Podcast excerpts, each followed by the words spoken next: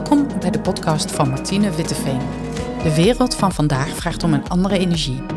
We leven, wonen en werken in een veranderende samenleving. Vanuit mijn kennis en levenservaring draag ik bij aan deze transitie. Ik neem je mee in de thema's leiderschap, bewustzijn en zakelijke zingeving. Plus, ik ga hierover in gesprek met experts. Fijn dat je luistert naar deze aflevering in de serie Zaken die zin geven. Van docent in de economische vakken aan het MBO naar bestuurder van dat enzelfde MBO. Bestuurder middelbaar beroepsonderwijs. Dat heb je jaren gedaan. En nu zet je je ook al nou, ruim negen jaar in voor mensen waarvan de arbeidsmarkt soms wat verder weg is. Of heeft juist de arbeidsmarkt uh, misschien wel wat meer afstand van die talenten. En herkennen ze die bij de mensen onvoldoende. In ieder geval zet je je al heel lang in voor een pad waar groei de nodige inspanning heeft gekost voor mensen en misschien ook wel voor jezelf. Je zet je in voor de ontwikkeling van anderen. Ik ben vandaag de gast in Apeldoorn bij Gerry van Sunder. En Gerry is nu directeur bij werkbedrijf Lucrato.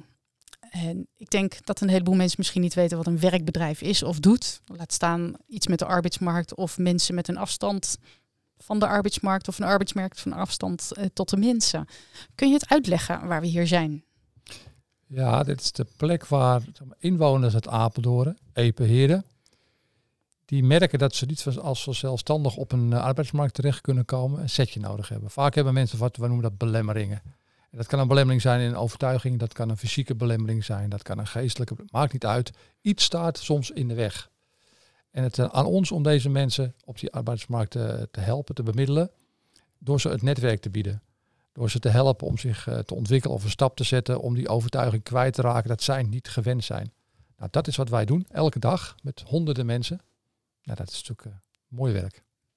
Mooi werk om al die mensen een, een, stap te geven naar een volwaardig nou ja, lidmaatschap van de maatschappij. Hè? Want werk is toch een van de belangrijkste dingen voor de mens om zich volwaardig uh, in de maatschappij te voelen.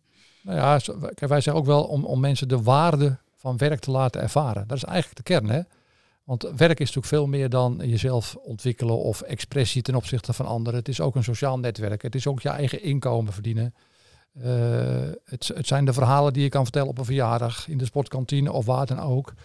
Uh, het, de waarde van werk is zoveel meer dan alleen maar salaris. En veel mensen zijn daarvan verstoken. Nou ja, en dan gun je eigenlijk elke inwoner hij met wat voor achtergrond dan ook een bijdrage mag leveren. En de waarde van werk kan ervaren. Ja. Wat is de waarde van werk voor jou? Nou ja, niet veel anders wat ik net schetste. Kijk, uh, de waarde van werk is voor mij ook dat ik in een, in een netwerk mag verkeren waar mensen uh, uh, aan het werk zijn, aan eenzelfde missie aan het werk zijn. Waar ik moet verhouden tot mijn collega's, tot mensen in mijn netwerk, moet verhouden tot thuis, moet verhouden tot de sportclub, dat is ook prachtig. En dat, is, dat maakt jou mens. Want ja, in de verhouding tot anderen word je mens, hè, zoals is, of ben je mens. En dat mag, het, werk biedt die gelegenheid om dat te gaan doen. En als je dan ook nog een beetje focus kan hebben op wat je moet doen. En onze focus is helder, onze missie is helder. Probeer mensen die uh, wat belemmeringen hebben op weg te helpen naar de arbeidsmarkt. Ja, dan is dat elke dag, als je daar een bijdrage aan mag leveren, wow, word ik er echt vrolijk van. Heel goed. Um, Even terug naar mijn intro, want ik vind de, de belemmeringen uh, op de arbeidsmarkt. Maar je hebt zelf een behoorlijk uh, uh, nou ja, pad gelopen in jouw carrière. Ik zei het al, docent, MAVO, MBO later, doorgegroeid. Of ik weet niet of je het groei moet noemen, maar in ieder geval doorgestroomd naar een bestuurdersfunctie. Hoe is dat zo gekomen? Het is een pad. Het is een pad, ja. Ja, dat is ook niet van tevoren te bedenken. Zo sta ik ook niet in het leven. Weet je. Ik, ben, ik, ik wilde graag docent zijn. En ik ben mijn, mijn docentenbaan begonnen in Amsterdam Centrum Oud-West. Uh, je hoort een beetje aan mijn accent, denk ik, dat het in Amsterdam uh, in zit. En ik dacht, als je ergens het vak van docent leert, dan is het op in Amsterdam. Dus ik ben heel bewust naar de leraaropleiding in Amsterdam Centrum Oud-West. Op de school waar net Rudy Gullit was geslaagd. En uh, Frenkie Rijkaard voor de voetbalkennis.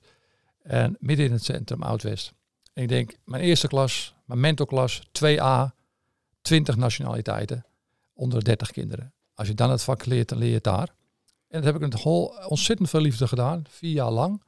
Toen werd de afstand richting Amsterdam gewoon fysiek best een, uh, zwaar. En toen ben ik overgestapt naar het uh, middelbaar beroepsonderwijs. En ja, dat heb ik ook met nog een jaartje of veertien gedaan. Om daar kinderen die het VMBO, MBO deden, zoals ik dat zelf ook gedaan heb, om die een, een, een vak te leren. En dat, dat, is geweldig om te doen. Ja, jij hebt uh, zelf vanaf het VMBO, zoals ze het nu noemen, vroeger heette dat waarschijnlijk anders, doorstroom naar MBO, HBO, deeltijdopleidingen in je volwassen werkzame leven uh, om te komen. Ja. Uh, waar je op onder andere de rol die je nu hebt. Ja, dat is ook een koninklijke weg, hè? want wij denken in Nederland veel al dat voor iedereen die weg van HAVO, VWO, is niks mis mee. Maar ja, als je kijkt naar de werkgelegenheid, als je kijkt naar het gemiddelde wat mensen bindt, dan is toch vooral ook ambachtelijk werk, is gewoon een vak. En, en, en op een of andere manier is in deze samenleving het idee ontstaan dat dat een soort minderwaardige route zou zijn. Ja, niks is minder waar. Kijk, de ontwikkeling van mensen gaat altijd schoksgewijs. En sluit nou niemand uit van een ontwikkelstap. Die ontstaat gewoon. Maar ja, vaak is net de omgeving moet daarvoor helpen. De mensen die je tegenkomt moeten helpen. Uh, nou, als je dat aan kinderen op met VMBO biedt, ah, daar zit zoveel talent tussen. En die worden toch een beetje, vind ik, nou een beetje, maatschappelijk ondergewaardeerd. Toen dacht ik, ja, dit laat ik niet gebeuren. Dus het was voor mij een hele normale route om mijn eigen route ook uh, een bijdrage te kunnen leveren aan kinderen die ook die stappen zullen gaan zetten.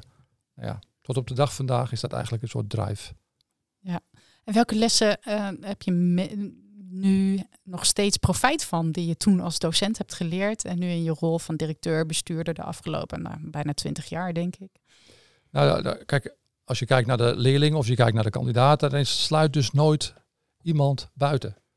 Uh, sluit nooit de volgende stap uit van iemand. Het, het, is alleen zoeken naar waar zit nou die soms de belemmering van mensen. Dat ze niet die stap kunnen zetten. Of dat ze zich niet gewild voelen. Of dat ze niet gezien worden. Of dat ze een netwerk ontbreken. Sluit gewoon niemand buiten. Nooit. Nooit. Um, dus dat is een hele belangrijke les. En als je specifiek kijkt naar mijn ja, rol als, als, als eh, directeur, ja, dan, is, dan is daar de kern gelegd, of de, de, de, de, de bron van mijn fascinatie voor leiderschap. Fascinatie voor leiderschap. En nou ja, verplaats je even naar een klaslokaal waar je zelf ook in gezeten hebt, eh, Martine. En bedenk even terug of je nog kan voorstellen op een middelbare school dat je een nieuwe docent kreeg. En dan zit je daar met 30 leerlingen in een klas. Er komt iemand binnen. En ik gebruik dit voorbeeld altijd, omdat het echt fascinerend is. Zonder één woord te wisselen, ontwikkelt zich in ongeveer vijf seconden een soort collectieve intelligentie tussen 30 leerlingen die elkaar niet spreken, elkaar niet eens zien, want we zitten nog in een industriële opstelling, weet je nog, achter elkaar. Achter elkaar. Ja. Twee en twee. Uh, en toch ontstaat er een soort collectieve intelligentie en die leidt tot het volgende. Dit wordt feest. Of ik ga mijn spullen maar eens pakken en ik ga eens luisteren wat die mevrouw of meneer te vertellen heeft. Dat is fascinerend.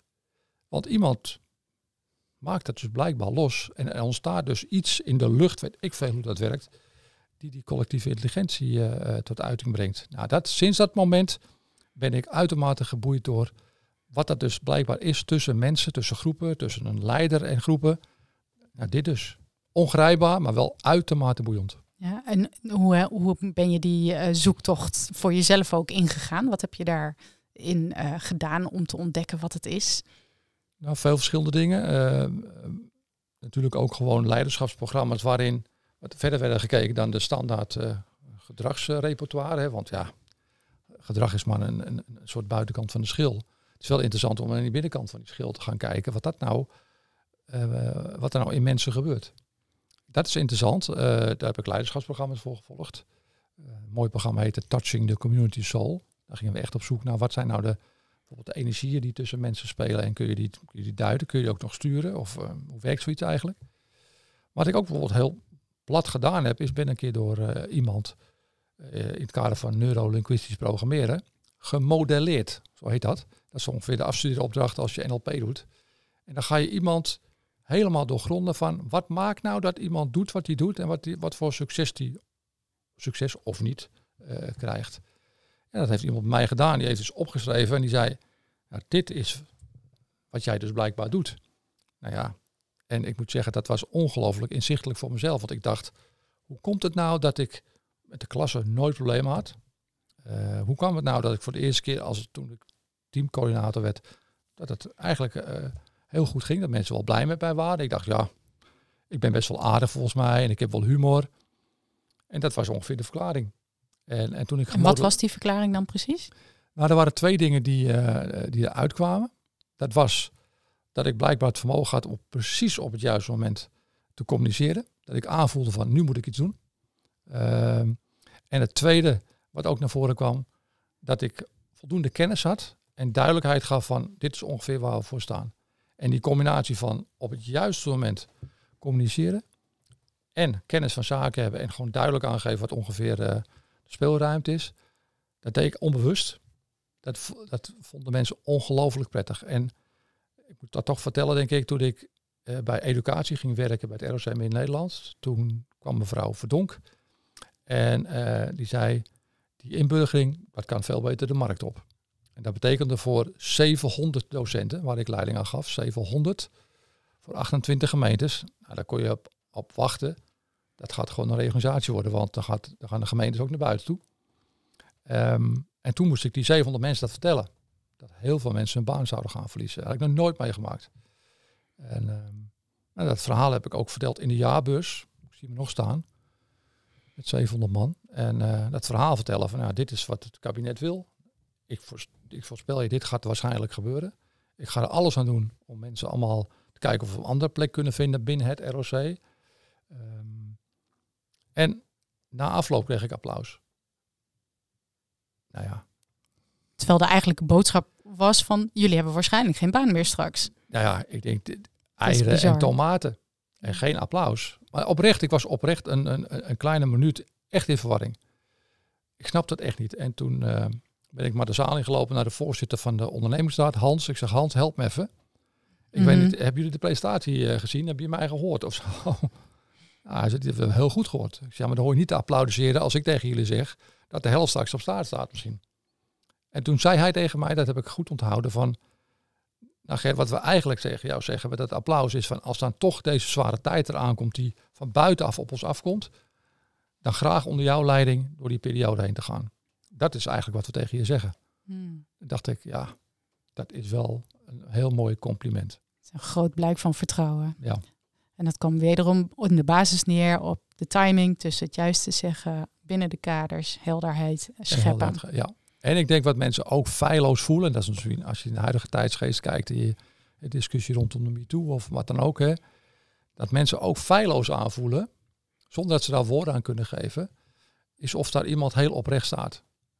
Of dat iemand daar gewoon een soort marketingverhaal loopt te vertellen. En ik, blijkbaar ben ik zo uh, doorgrondelijk dat mensen zien, nou, ja, dit is gewoon oprecht wat die man doet. Mm Niks uh, verzonnen bij, is niks mooi sausje omheen. Ja, en dat is wel nou ja, een groot voordeel. En ik vind ook een groot verantwoordelijkheid.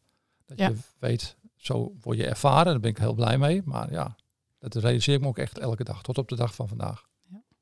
Het geeft uh, inderdaad een verantwoordelijkheid om het ook zo te blijven uiten en doen. En die uh, mensen daarin goed mee te nemen.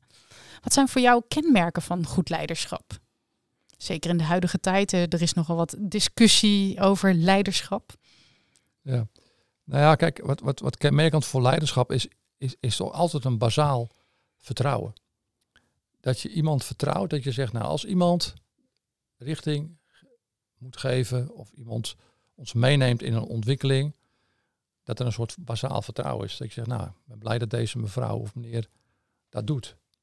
Eh, dat mensen echt oprechtheid zien. Dat mensen ook het, uh, wat ze zien ook echt is wat er is en niet meer.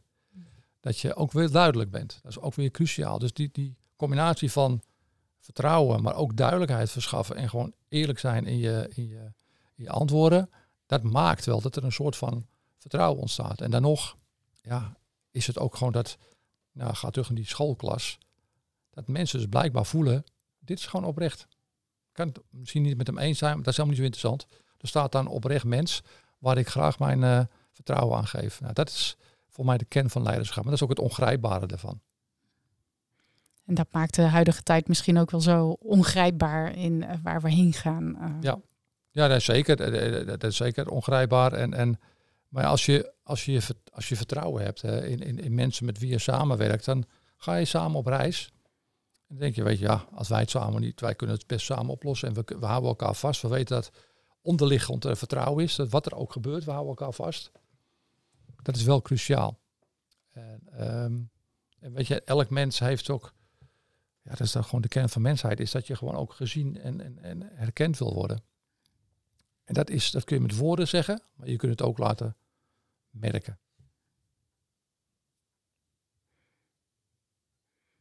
En ik vind zelf uh, de kernwaarden, gelijkwaardigheid en diversiteit ook heel belangrijk. En je zit hier en op school in een omgeving die ontzettend divers is. En uh, waar mensen graag mee willen doen in de maatschappij op een gelijkwaardige manier. Ondanks dat ze soms ongelijkwaardig behandeld worden, omdat ze misschien een uitkering hebben. Hoe um, zorg je ervoor hier in dit bedrijf, maar ook vanuit jouw uh, leiderschapservaring, uh, dat we dit meer in de maatschappij kunnen laten zien, dat we gelijkwaardiger met elkaar om kunnen gaan? Ja, dat begint gewoon, noem het maar even, uh, met de bejegening. Elk contact is een moment waarop nou ja, bejegening plaatsvindt. En, en, en dan wil je als mens, komt hij weer, erkend en herkend worden. Dus ook elke leerling in die klas, die wil ervaren, voelen, zien dat die docent hem of haar ziet. Dat is de basis van alles. Daar begint het gesprek. Dus wat wij, uh, wat, wat ik hier echt heel erg benadruk in onze organisatie, daar ben ik echt heel, heel uh, nadrukkelijk mee bezig, is van hoe bejegenen wij die inwoner van Apeldoorn, Epenheerde, die bij ons komt en zegt, ja, ik heb hulp nodig bij het vinden van een baan. Wat ga je dan doen? En dan is het echte gesprek noodzakelijk. Dus dan zeg ik altijd, ga op zoek naar dat haakje. Ga op zoek wat deze inwoner nodig heeft of in de weg zit om die stap te zetten. Dat is het vertrekpunt. Dus je begint met gewoon, er zit een mens tegenover jou en je wil weten hoe die mens in elkaar steekt, wat die mens voor overtuiging heeft, wat die mens aan ervaring heeft, wat zijn referentie is. Dat is het vertrekpunt. Daar begin je mee. En niet met, gij heeft een uitkering, daar zult gij iets voor moeten doen. Ophouden ermee. Dus daar, heb ik echt, nou, ben ik, daar ben ik echt schoolmeester. Als je nou praat over kaders, dan is dat een kader. en ik ben natuurlijk niet bij elk gesprek aanwezig, maar nou ja, als ik het zelf in mijn gesprekken met mijn collega's ook doe, dat is cruciaal. Ik denk dat ik dat doe, dat ik empathisch ben, dat ik op zoek ga naar wat nou echt de drijfveer is. En dat ik gewoon van begin af aan zeg van, het is helemaal goed wie jij bent, wat je doet, maar we zijn hier op missie. En hoe gaan wij nou die inwoners helpen? Mm. En dan vind ik, zie de mens die tegenover jou ziet. Dat is het vertrekpunt en niets anders. En dit zit niet in een uitkeringstrekker of een bijstand mevrouw of meneer. Er zit gewoon een mens tegenover jou. Ja, heel ingewikkeld is dat niet. Nee. Nee, ik hoor je twee dingen zeggen. Is je motiveert je medewerkers om ze op gelijkwaardige basis te, te benaderen en daarmee ook te helpen. Maar het, het werkt alleen maar als jij het voorbeeld ook zelf geeft. Ja. En een voorbeeld doet volgen, volgens mij uh, is ook een oud gezegde gezegde. Sorry. Uh, dus dat uh, werkt ook. Ja. En um, nou ja, we hebben deze week uh, de actualiteit van de zeven vinkjes van Joris Luijendijk. ja, ik kan niet ontkennen dat je toch een, een witte hetero man bent die voor me. Hoeveel, vinkjes heb jij? We hebben de vinkjes man, wit, hetero. VWO gymnasium, ouders, minimaal één ouder uit Nederland, ouders hoog opgeleid en universiteit. Ik denk dan drie of vier hooguit. Want ik ben man, ik ben wit, ik ben hetero, maar ik heb geen universiteit, ik heb geen gymnasium. Mijn ouders zijn allebei laag opgeleid. Uh, wel uit Nederland. Dan denk ik vier. Nou, dan zit je op drie. Op drie. Minimaal een van de ouders uit Nederland hoog opgeleid. Ja, ja, ja, ja, ja, ja, ja. ja, nou ja. Dus, dus je zou zeggen, jouw pad is ook moeilijker geweest dan menig ander man uh, van jouw lichting. Ja, nou ja, ik weet niet of het moeilijker is geweest. Die is anders in ieder geval gelopen. En daar ben ik heel tot op de dag vandaag ontzettend blij mee. Want weet je, het is, ik, ik, het, de, de, de, de leerlingen of de mensen die hier uh, onze steun nodig hebben, ik ken hun achtergrond. Ik weet waar ze in groot geworden zijn. Ik ken ook de situatie waarin zij verkeren. Niet misschien in als een, vanuit een situatie dat ik in een bijstand gezeten heb, maar ik ben ook gegroeid in een, een, een, een gewoon een zeg je dat, een arbeidersgezin zoals we dat vroeger noemden, mm. uh, waar we het goed hadden, maar uh, nou, middelen heel beperkt waren. en ik altijd, van mijn vader en moeder hebben me altijd wel geleerd, dan doe je niet groter voor dan wie dan ook. Maar doe je ook niet kleiner voor dan. Want je bent gewoon een mens, je mag er altijd zijn. Dus ook naar die docent die jou onheus bejegent, mag je gewoon zeggen, hey, dit vind ik niet fijn. Want ik wil gewoon aangesproken worden als, uh, als mens. Niet omdat, ik, uh, omdat u de meeste bent dat ik allemaal moet accepteren. Dat, en mijn moeder er echt in geramd. En dat vind mhm. ik ook echt. Dus in die zin ja, is een route die toch wel veel mensen gegaan zijn. En dat brengt me wel veel, want weet je, het is bestuurder van een groot ROC met 20.000 studenten.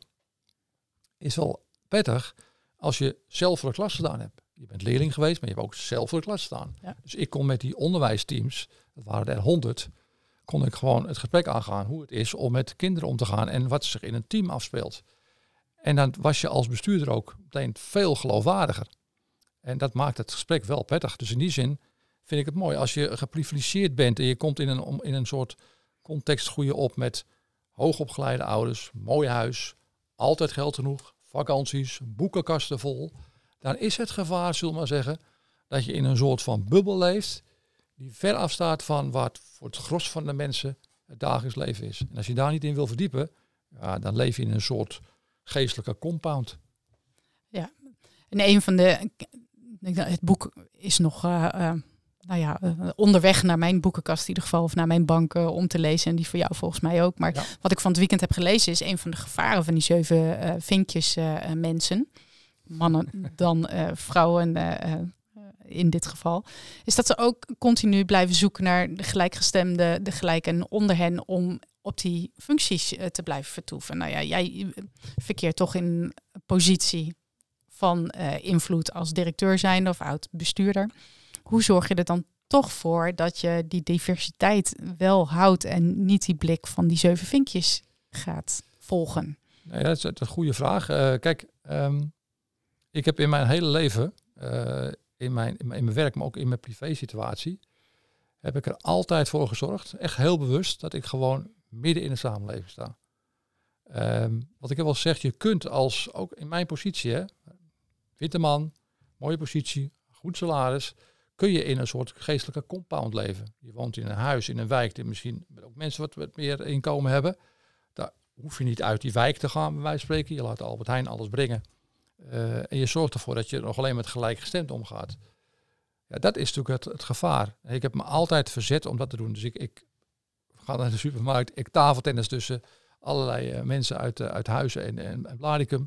Dus ik zorg ervoor. In het onderwijs kom ik mensen tegen die het of minder getroffen hebben of anders getroffen hebben. Dus ik, ik wil ook in een wijk waar ik jongeren tegenkom, ouderen tegenkom, waar ik mensen tegenkom uit Syrië of uit, maakt niet uit waar vandaan. Daar heb ik altijd voor gezorgd omdat ik gewoon vind dat ik een deel van die samenleving ben. En ik wil gewoon al die mensen ook blijven ontmoeten.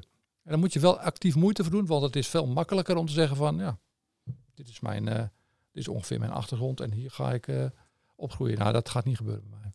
Nee, dus ook die houding neem je mee hier in het bedrijf uh, wanneer je voor jouw managementteam of voor andere lage mensen zoekt. Altijd. Ja. Altijd. Ik zag een mooie quote van Abu Talib. Is het, het probleem is volgens hem niet dat bij vacatures altijd iemand wordt gezocht die, of, die in ons team past. We zoeken onszelf, want iemand die niet op ons lijkt geeft onrust.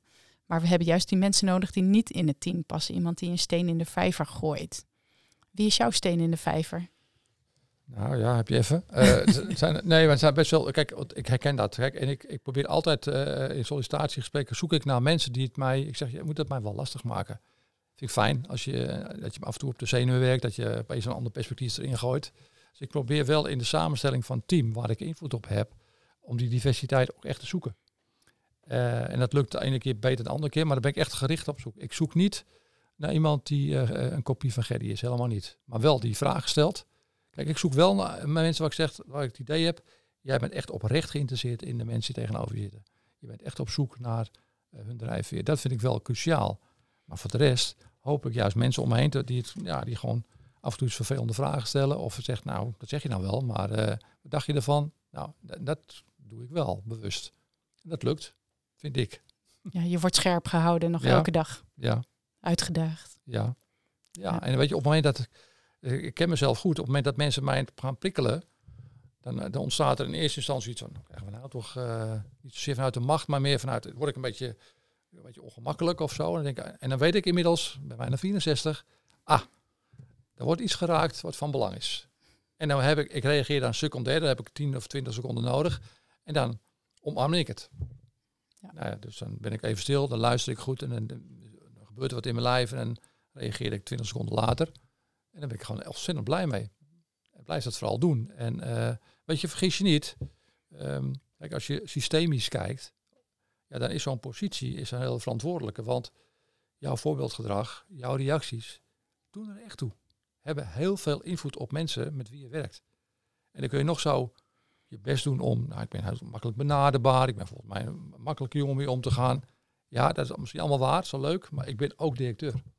En, en, en systemisch eh, werkt dat gewoon zo, dat mensen daar dus waarde aan hechten. Om wat voor reden dan ook. Mm. Nou ja, als je dat bewust bent, dan moet je daar ook uit naar handelen. En dat ben ik me denk ik heel goed. Ja. En waar je je ook bewust van bent, dat hoor ik je net zeggen, is eh, je lichaamsbewustzijn, de signalen die je oppikt. Uh, en dat vind ik zelf een hele mooie en belangrijke, want in het voelen, in ons lijf, daar gebeurt het Zeker. naar mijn idee. En je hoofd die kan de dingen overnemen of die corrigeert het gelijk van nou, het zal wel niet waar zijn. Uh, maar voor mij is een essentieel onderdeel van persoonlijk leiderschap of leiderschap dat je leert voelen, dat je leert herkennen wat er gebeurt. Uh, merk je dat daar aandacht voor is in de wereld uh, om je heen van uh, nou ja, gelijkgestemden in jouw posities, dat ze daar ook op een andere manier mee bezig zijn? Misschien een meer spirituele manier ook wel van leiderschap benaderen. Nou ja, ja, ja en nee. Hè. Ja, ja, ik kom zeker collega's tegen die daar ook oog voor hebben. Ik vind het ook wel cruciaal, want kijk, je, je bent je hoofd niet. Dat, dat, lijkt er soms op, maar dat je dus gewoon niet. Het wordt ons van kunst af aan bijna geleerd, dat we ons hoofd alleen maar zijn. Ja, maar dat is natuurlijk niet zo. En uh, kijk, het hoofd is een soort meningenfabriek, weet je wel. En die vindt al, overal wat van, die oordeelt, die filtert alles en nog wat voordat het echt tot uh, in je geheugen komt. Dus die, die kijkt eerst of, nou, dan kom je bekend voor, weg ermee. Hè. Dus dat is één groot filter. En dat is zoals het is. Als je dat weet, kun je daar wel mee leren omgaan. Daarom vind ik dat secundair reageren ook belangrijk. Laat het even binnenkomen. En zo'n en zo'n lichaam is ook een soort geheugenfabriek, hè? vergis je niet. Wil, het slaat alles op. En bij de een zit, slaat het op zijn nek en de ander in zijn schouder, maar het slaat het op. Mhm. En de kunst is om die, die, die gevoelens, die, uh, die soms uit zich soms in emoties, angst, boosheid, verdriet, om die woorden te geven. Dat is wel ingewikkeld. Daar moet je wel echt moeite voor gaan doen om daar taal aan te gaan geven. Dat is wel wat ik probeer. En uh, nou, je ziet achter mij een aantal boeken staan. Nou, er zijn een aantal boeken bij die mij daar ongelooflijk in geholpen hebben. Omdat die taal geven aan wat soms in het lichaam gebeurt. Want kijk, de, de, de, de populistische benadering van dit is een onderbuikgevoel. Ah, dat is maar de buitenkant. Er zit meer onder. En ben je bereid om op zoek te gaan naar dat, wat daar nou onder zit. Dat is, vind ik interessant. En dat taal aangeven is wel ingewikkeld. Maar dat is wel, vind ik, wat je moet doen als, uh, ja, ook als, als, als leider. En uh, ja, dat is constante zoektocht. En dat vind ik interessant. En dan zoek je, ik noem het wel, uh, of dat, die, die schrijver Arnold Cornelis noemt dat de rustpunten van de geest. Ja, dat vind ik cruciaal. Dus kun je op een gegeven moment zoveel taal geven aan wat je aan emoties voelt, hè? En, en, en kan dat ook bepaalde rust in je hoofd uh, teweeg brengen? Ja, dat kan. Mm. Als je daar tijd aan besteedt en dat serieus neemt, hè? Ja. Wie hebben jou daar echt wat in geleerd? Heb je, heb je nou ja, teachers zou ik bijna zeggen, die jou daarin uh, in geholpen hebben? Ja, een van de meest inspirerende vind ik nog steeds, die noemde ik net Arnold Cornelis, hè, Nederlands, ja. Nederlands filosoof, van 1999 overleden. En die schreef een boek, uh, eind jaren 90, en dat heette Logica van het Gevoel. En dat boek, ja, dat is bijna anekdotisch, maar zo ging het wel. Ik was op, aan het werk op het Duro College in Hilversum, dat was een van de eerste ROC's. Als docent nog? Als docent en toen ook als uh, teamleider. Mm -hmm. en, um, en ik kwam bij iemand op bezoek. En die had een dik boek in de prullenbak gegooid. Dat was een periode dat ik in scheiding lag. Dus alles lag een beetje overhoop, uh, ook in je hoofd. En ik zag dat boek, een, een pil hoor. Dikke pil. En ik dacht, logica van het gevoel. Wat een rare tegenstelling. En ik, ik uh, dus dat voelde ik zo, ja, weet ik veel. Ja. En ik dacht, um, zou ik dat boek uh, mogen hebben? Want ja, gooi het weg. Ja. Nou, toen ben ik dat boek gaan lezen. Nou, dan moet je even, even doorheen komen in het begin. Maar wat een wonderbaarlijk boek. Dat deed echt ontzettend veel met mij. Het is een soort basisboek geworden. Wat ik een paar keer heb gelezen. Waar ik veel taal aan ontleend heb. Die woorden kon geven aan wat er toen in mijn hoofd allemaal gebeurde rondom nou, de scheiding. Mijn moeder overleed, mijn vader overleed. Ik ging naar een nieuwe baan toe. Nou, alles kwam tegelijk. Um, overleed mm. nog een neefje, onverwachts. Dus, uh, en, en dat boek gaf mij gewoon houvast in taal. Nou, en sinds die tijd is dat een soort, nou, het is zeker geen bijbel, maar dat was wel het boek wat mij enorm geïnspireerd heeft. Ja, Het heeft je letterlijk kunnen helpen om alles wat er in je lijf gebeurde, wat je wel voelde, maar nog niet onder woorden kon brengen, om dat ja. Uh, nou ja, te, te verwoorden, ja, letterlijk. dat is het, letterlijk te verwoorden. Ja. Denk, oh ja, dit is allemaal mooie taal. Hè. Daar komen termen, daar komt straks ook nog wel terug misschien, over vertraging. Ja, dat is belangrijk. En waarom is vertraging belangrijk? Nou ja, omdat, kijk, eh, als je naar het leren van mensen, eigenlijk is leren, zo heb ik het, weet je, eh, verwoord ik het, dat ook een beetje met inspiratie van Arnold Cornelis. Hij zei eigenlijk, leren is, is het verkleinen van je externe afhankelijkheid. Ja, dat is denk ik zo. Kijk, als klein kind ben je afhankelijk van je moeder, van je vader. Daar worstel je een beetje rond je twintigste los van. Hè? Dus dan word je iets minder afhankelijk van. Dan ga je werken. Kom je in zo'n sociaal systeem van werk. Dan ga je weer, ja, dan moet je eh, aanpassen of zo. Aanpassen. En ja, wat je wil, ja, je wil ook. Je wil meedoen, je wilt bijhoren, je bent nieuw. En, ja, en, en, en zo rond de 40ste, eh, dat, dat is natuurlijk wel elke persoon anders, maar rond de 40ste ontstaat er weer een volgende fase. denk ik, nou ja, hij noemt dat communicatieve zelfsturing. Dat je zegt, ja, wat dacht even, ik pas me wel steeds nu aan, maar er is ook nog iets binnen mij wat roept om expressie. Hè? Hij noemt dat het verborgen programma van je gevoel. En, uh, en eigenlijk is het leven dan eigenlijk een soort het ontrollen van het verborgen programma, op zoek daarna gaan. En, en dan kom je in een soort fase, en of mensen dat nou midlife crisis noemen, het zal mij verder worst wezen, maar dan komt dus op het moment dat je denkt, ja wacht even, wie ben ik eigenlijk zelf zeg? En wat vind ik eigenlijk belangrijk? Want ik doe nu en dat is leren, want dan word je minder afhankelijk van de mening van een ander, minder afhankelijk van je ouders, minder afhankelijk van je collega's. Ja, dat heet volgens mij leren. En ja, ik bedoel, ik heb nooit de status van verlichte personen bereikt, maar die externe afhankelijkheid verkleinen is wel cruciaal. En dan in jouw vraag naar vertragen, dat betekent ook dat als je de externe klok, zie de externe klok gewoon even als de dagelijks gang van zaken, de vooruitgang, de ontwikkeling in de ICT. Het maakt niet uit. De, de, externe klok die tikt maar door. En die lijkt heel snel te gaan voor mhm. veel mensen. Ja. Als je dan niet af en toe zegt, ja wacht even, mijn interne klok gaat ietsjes langzamer. Wil je die externe klok niet de overhand geven, dan zul je die af en toe moeten vertragen en niet moeten meegaan in die maalstroom van ontwikkelingen. Maar even een moment kiezen om stil te staan bij, wat doet het nou eigenlijk met mij? Wat wil ik eigenlijk? Nou, ik noem dat vertragen. En dat moet je echt bewust doen. En, hm. weet je, en de een gaat, gaat mediteren. Uh, die gaat in uh, welke vorm dan ook. De ander gaat een boswandeling maken. Dat is maar een vorm. En, en, en ja, wat ik heel goed kan, dat is gewoon geen verdienste, maar gewoon geluk, is dat ik heel makkelijk dingen loslaat, ook in mijn hoofd. En dan gewoon even gaan mijmeren. En een soort van uh, ja, interne vertraging oproepen. Dus de buitenwereld staat even niet. Ik ben er, ik zit voor me uit te kijken en ik vertraag. En, ik, en dan leer je pas echt. Je kunt alleen maar leren als je vertraagt. Echt waar.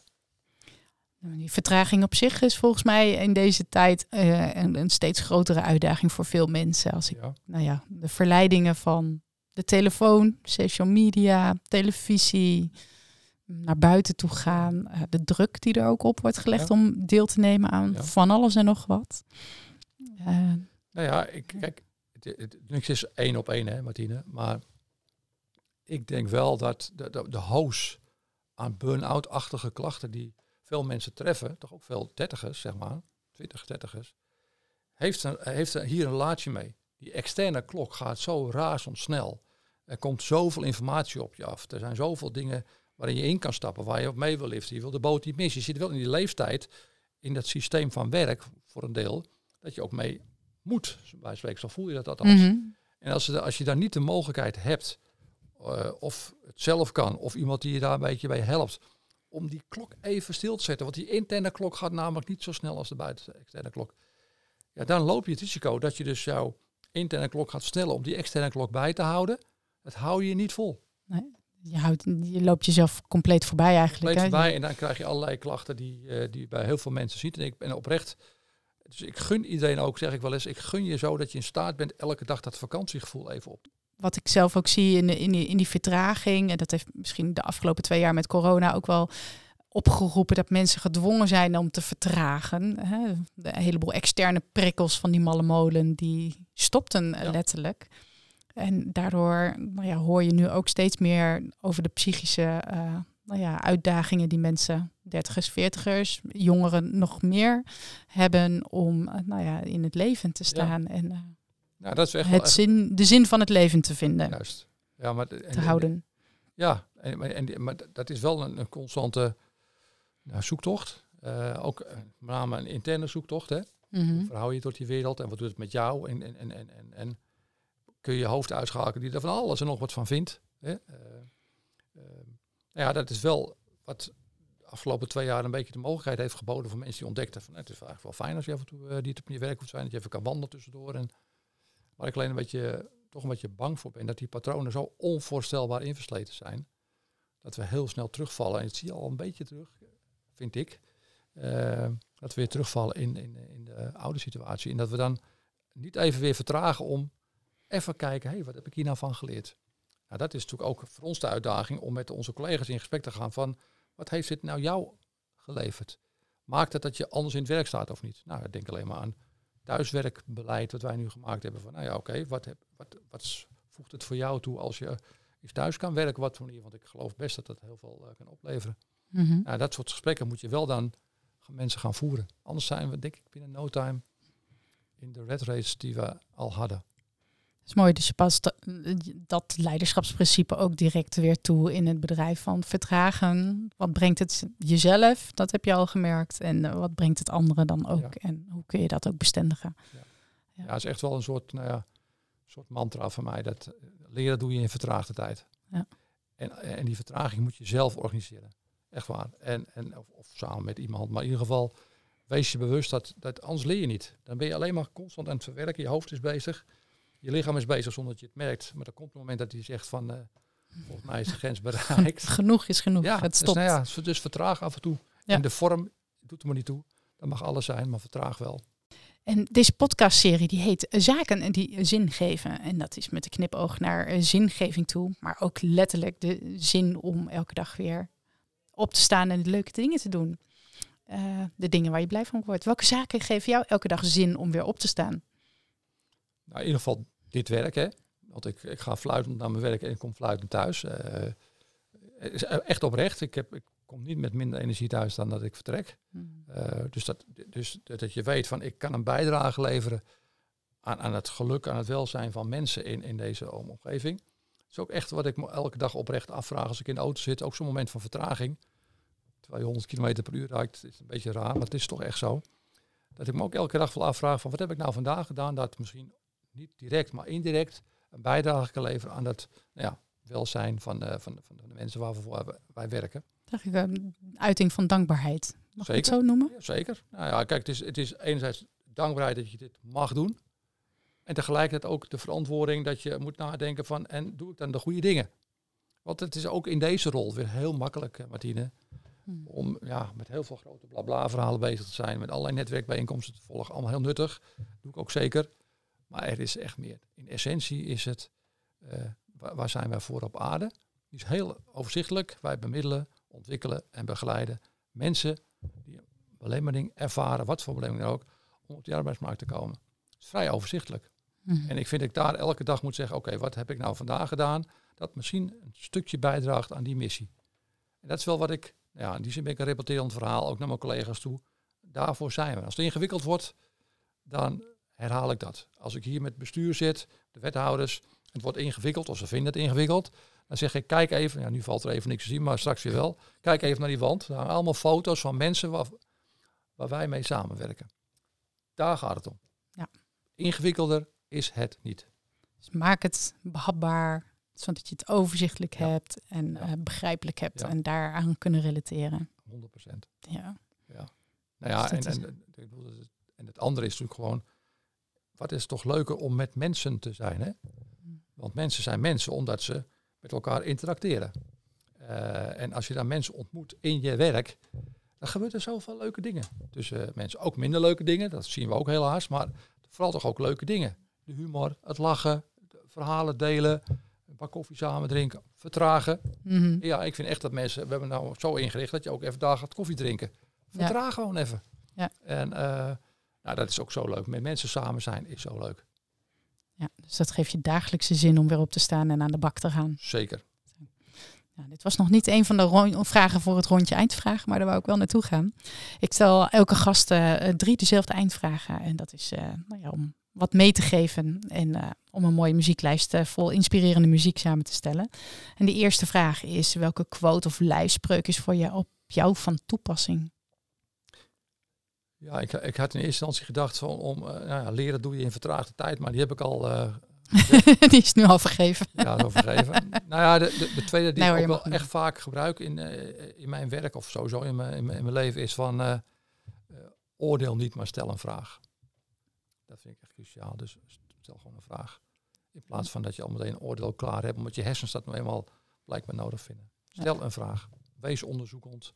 Wees nieuwsgierig naar die mens tegenover je. Dus eigenlijk heb je gewoon twee eh, lijfspreuken. Leven in vertraagde strijd. meer zelfs nog, tijd. maar dit- dit- deze zijn er zeker.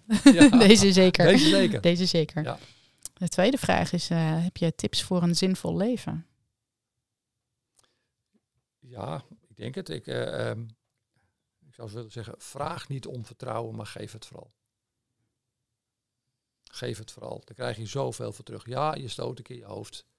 Het zij zo. Maar als jij vertrouwen geeft aan mensen, als je open bent naar mensen, als je liefde geeft aan mensen, weet je, dan krijg je dat altijd terug. Ja, ook wel eens niet. Maar mijn ervaring is bijna altijd wel. Ik Dus merk vraag. nu dat mijn lichaam reageert en eh, er een kleine brok in mijn keel ontstaat. Wat een mooie, mooie tip. Een mooie ja. Vertrouwen. Nou ja, de empowering song dan om mee af te sluiten. Ja, ik dacht wel, ja, ik, heb, ik ben gek op muziek, dus er zijn veel nummers. En, eh, maar ik heb toch maar gekozen voor eh, Ik kan het niet alleen. Van de Dijk. het heeft namelijk, het, het, het zegt al iets, hè, ik kan niet alleen. Dus je bent gewoon mens, omdat je samen eh, de mensheid vormt, zullen we zeggen. Altijd. Daarom is digitalisering geweldig. Maar vergeet niet, ontmoeting blijft de basis van het mens zijn. Eh, en dus dat is één, ik kan het niet alleen. Eh, en twee, het is een ontzettend vrolijk, dansbaar nummer. Dus het geeft ook de ruimte om je energie dansend eruit te gooien. En dat levert enorm veel energie en vrolijkheid op op de dansvloer. Ja, en, en, vergis, en wat ook voor mij nog belangrijk is, er zit één zin in van eh, ik kan het niet alleen, ik ben ook maar een man.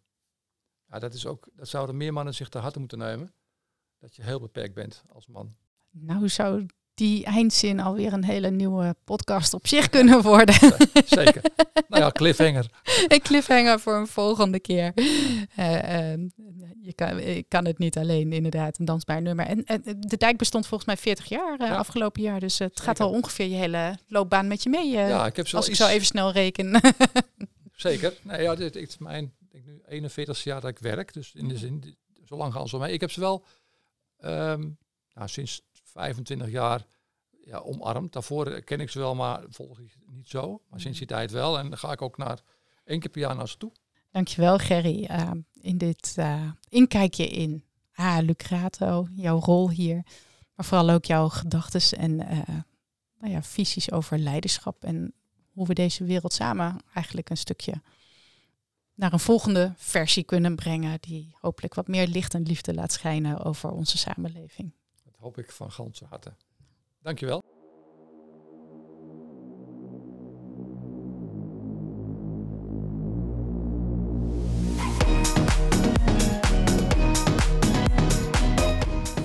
Luisterde naar deze podcast in de serie van Zaken die zin geven. Een review van deze podcast of het delen op sociale media wordt zeer gewaardeerd. Deze podcast is gemaakt door Martine Witteveen. De tunes en productie zijn in handen van Twan Kemp. Elke vrijdag is er een nieuwe aflevering beschikbaar via de bekende podcastkanalen. Tot de volgende keer.